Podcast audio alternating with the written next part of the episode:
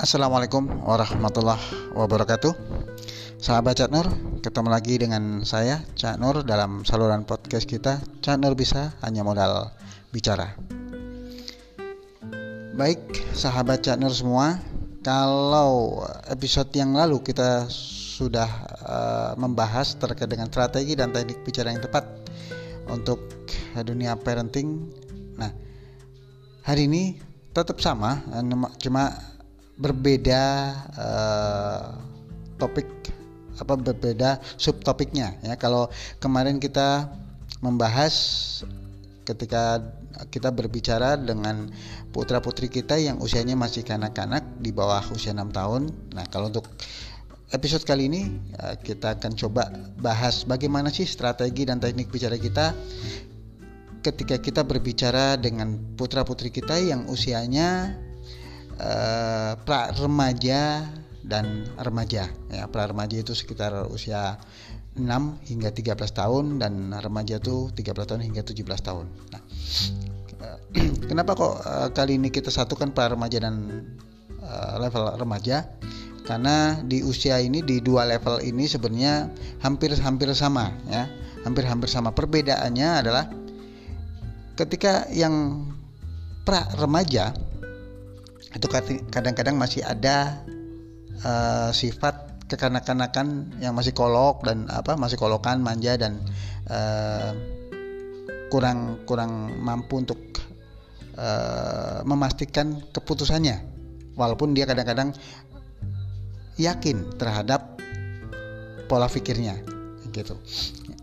Nah sementara remaja benar-benar uh, sudah merasa siap untuk mengeluarkan keputusan yakin dan kadang-kadang ya e, merasa sudah apa namanya benar dan akhirnya PD-nya di atas dari teman-temannya yang lain. Nah, ini um, di usia pra remaja dan di usia remaja ini, ya, ini uh, ada satu benang merah yang harus kita pahami. Dalam usia pra remaja dan remaja ini, Ya, sebelum kita berbicara dengan mereka, kita harus pahami bahwa benang merahnya adalah perbendaharaan informasi atau pesan yang masuk ke dalam diri mereka itu sudah banyak dibanding usia kanak-kanak yang kemarin ya. Sudah banyak. Sehingga database yang masuk dalam memori mereka menjadikan mereka akhirnya merasa diri jauh lebih hebat, jauh lebih pintar, merasa benar sendiri, merasa uh, apa namanya dia yang paling pemikirannya paling bagus. Ya. Jadi kadang-kadang yang sudah punya pengalaman pun dikatakan ya salah itu, ya, yang benar ya kayak gini, kayak gitu loh. Dia merasa merasa paling hebat gitu. Padahal eh, apa namanya bisa jadi. Itu hanya secuil dari apa namanya eh, orang-orang yang di atasnya yang pengalamannya sudah banyak gitu. Jadi karena mereka memang baru mendapat informasi itu akhirnya mereka membuat apa namanya menjadikan memori dalam otaknya mereka sebagai sebuah keyakinan. Akhirnya mereka langsung pede dan merasa ini yang paling benar. Saya yang paling bagus. Saya yang paling tepat. Kayak gitu. Nah di dua remaja ini kurang lebih benang merahnya adalah seperti itu. Sebelum kita berbicara dengan mereka, kita harus pahami ini. Nah, lalu gimana untuk uh, strategi dan teknik berbicara yang tepat dengan mereka? Oke, baik. Sahabat Cak Nur, ketika kita ingin berbicara dengan uh, apa namanya dua tingkatan ini, pra remaja dan remaja ini, ada ada baiknya kita masuk ke dalam dunia mereka dahulu masuki dunia mereka dahulu. Jadikan diri kita sebagai sebayanya. Jadikan diri kita sebagai teman mainnya, sahabatnya yang memahami mereka. Ya. Ketika kita sudah masuk ke dalam dunia mereka, sudah satu frekuensi, sudah satu kesamaan, ya. Sekali lagi, sahabat Chatnul perlu mengingat bahwa komunikasi adalah proses menyamakan. Jadi ketika sudah sama-sama sama, memiliki frekuensi yang sama, pola pikir yang sama, ini enak ya eh, apa namanya reticulum activity system dalam otaknya ini akan membuka. Atau dengan kata lain, otak kiri sebagai otak filter, ya, otak penyaringan, ini mereka akan mem, apa, membuka.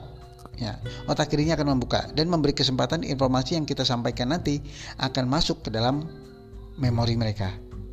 Nah, kurang lebih gambaran alurnya seperti itu. Jadi, masuklah ke dalam dunia mereka dahulu ya. Baru kita arahkan apa yang mau kita inginkan. Mau diarahkan ke mana si uh, remaja dan pra remaja ini kayak gitu.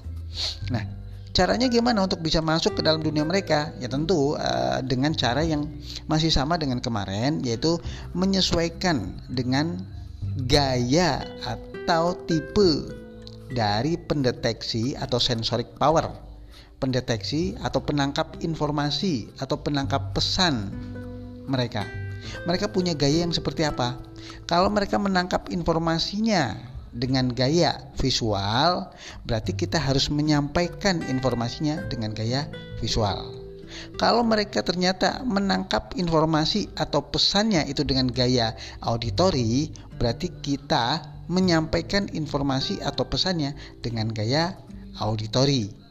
Begitu juga ketika mereka punya gaya pendeteksi atau penangkap informasi uh, dalam dirinya adalah gaya kinestetik, kita juga harus sama.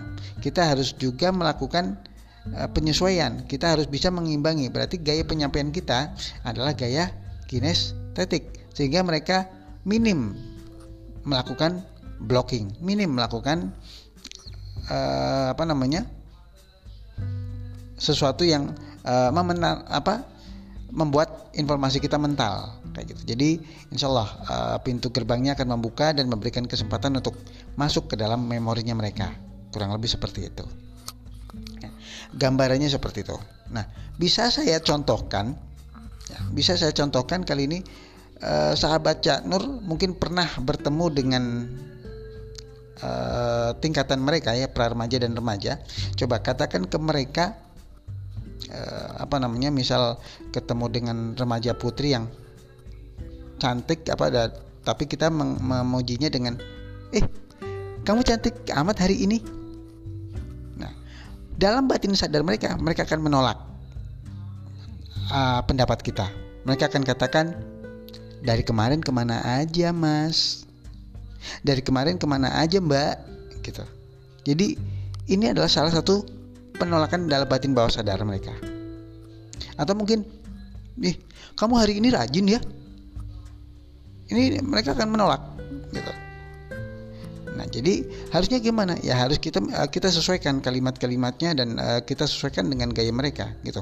Jadi alangkah baiknya ketika uh, kita kita memuji mereka dengan uh, dengan pujian yang tidak menghilangkan apa namanya kelebihan-kelebihan mereka di masa yang lalu.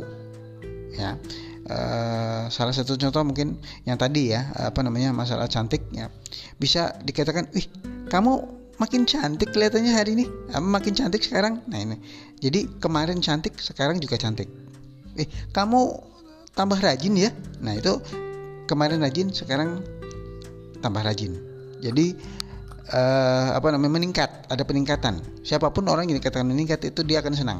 Wih kamu tambah cerdas ya tambah pinter. Berbeda kalau ih kamu pinter sekarang ya. Nah ini ini akan otak kita akan langsung connect ya langsung mencari database dan dia enak aja. Kemarin aja saya pinter kok kayak gitu loh karena nggak sesuai dengan keyakinan dalam dirinya gitu. Jadi kurang lebih seperti itu. Uh, mohon koreksiannya dan apa namanya bila ada kesalahan dalam diri saya ya jadi uh, saran dan kritik dari sahabat channel semua sangat sangat saya harapkan. Ya saran dan kritiknya bisa sahabatnya Cak Nur uh, kirimkan melalui aplikasi Telegram di Cak Nur bisa atau melalui messenger di m.me garis miring Cak Nur. Bisa. Oke sekali lagi di m.me garis miring Cak Nur bisa. Ya baik sahabat Cak Nur akhirnya episode kali ini uh, cukup sampai di sini dan uh, saya ingin mengingatkan kembali melalui sebuah quotation.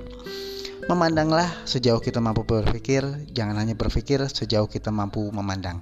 So, gunakan gunakan akal kita untuk terus berpikir dan berpikirlah terus untuk berbagi manfaat.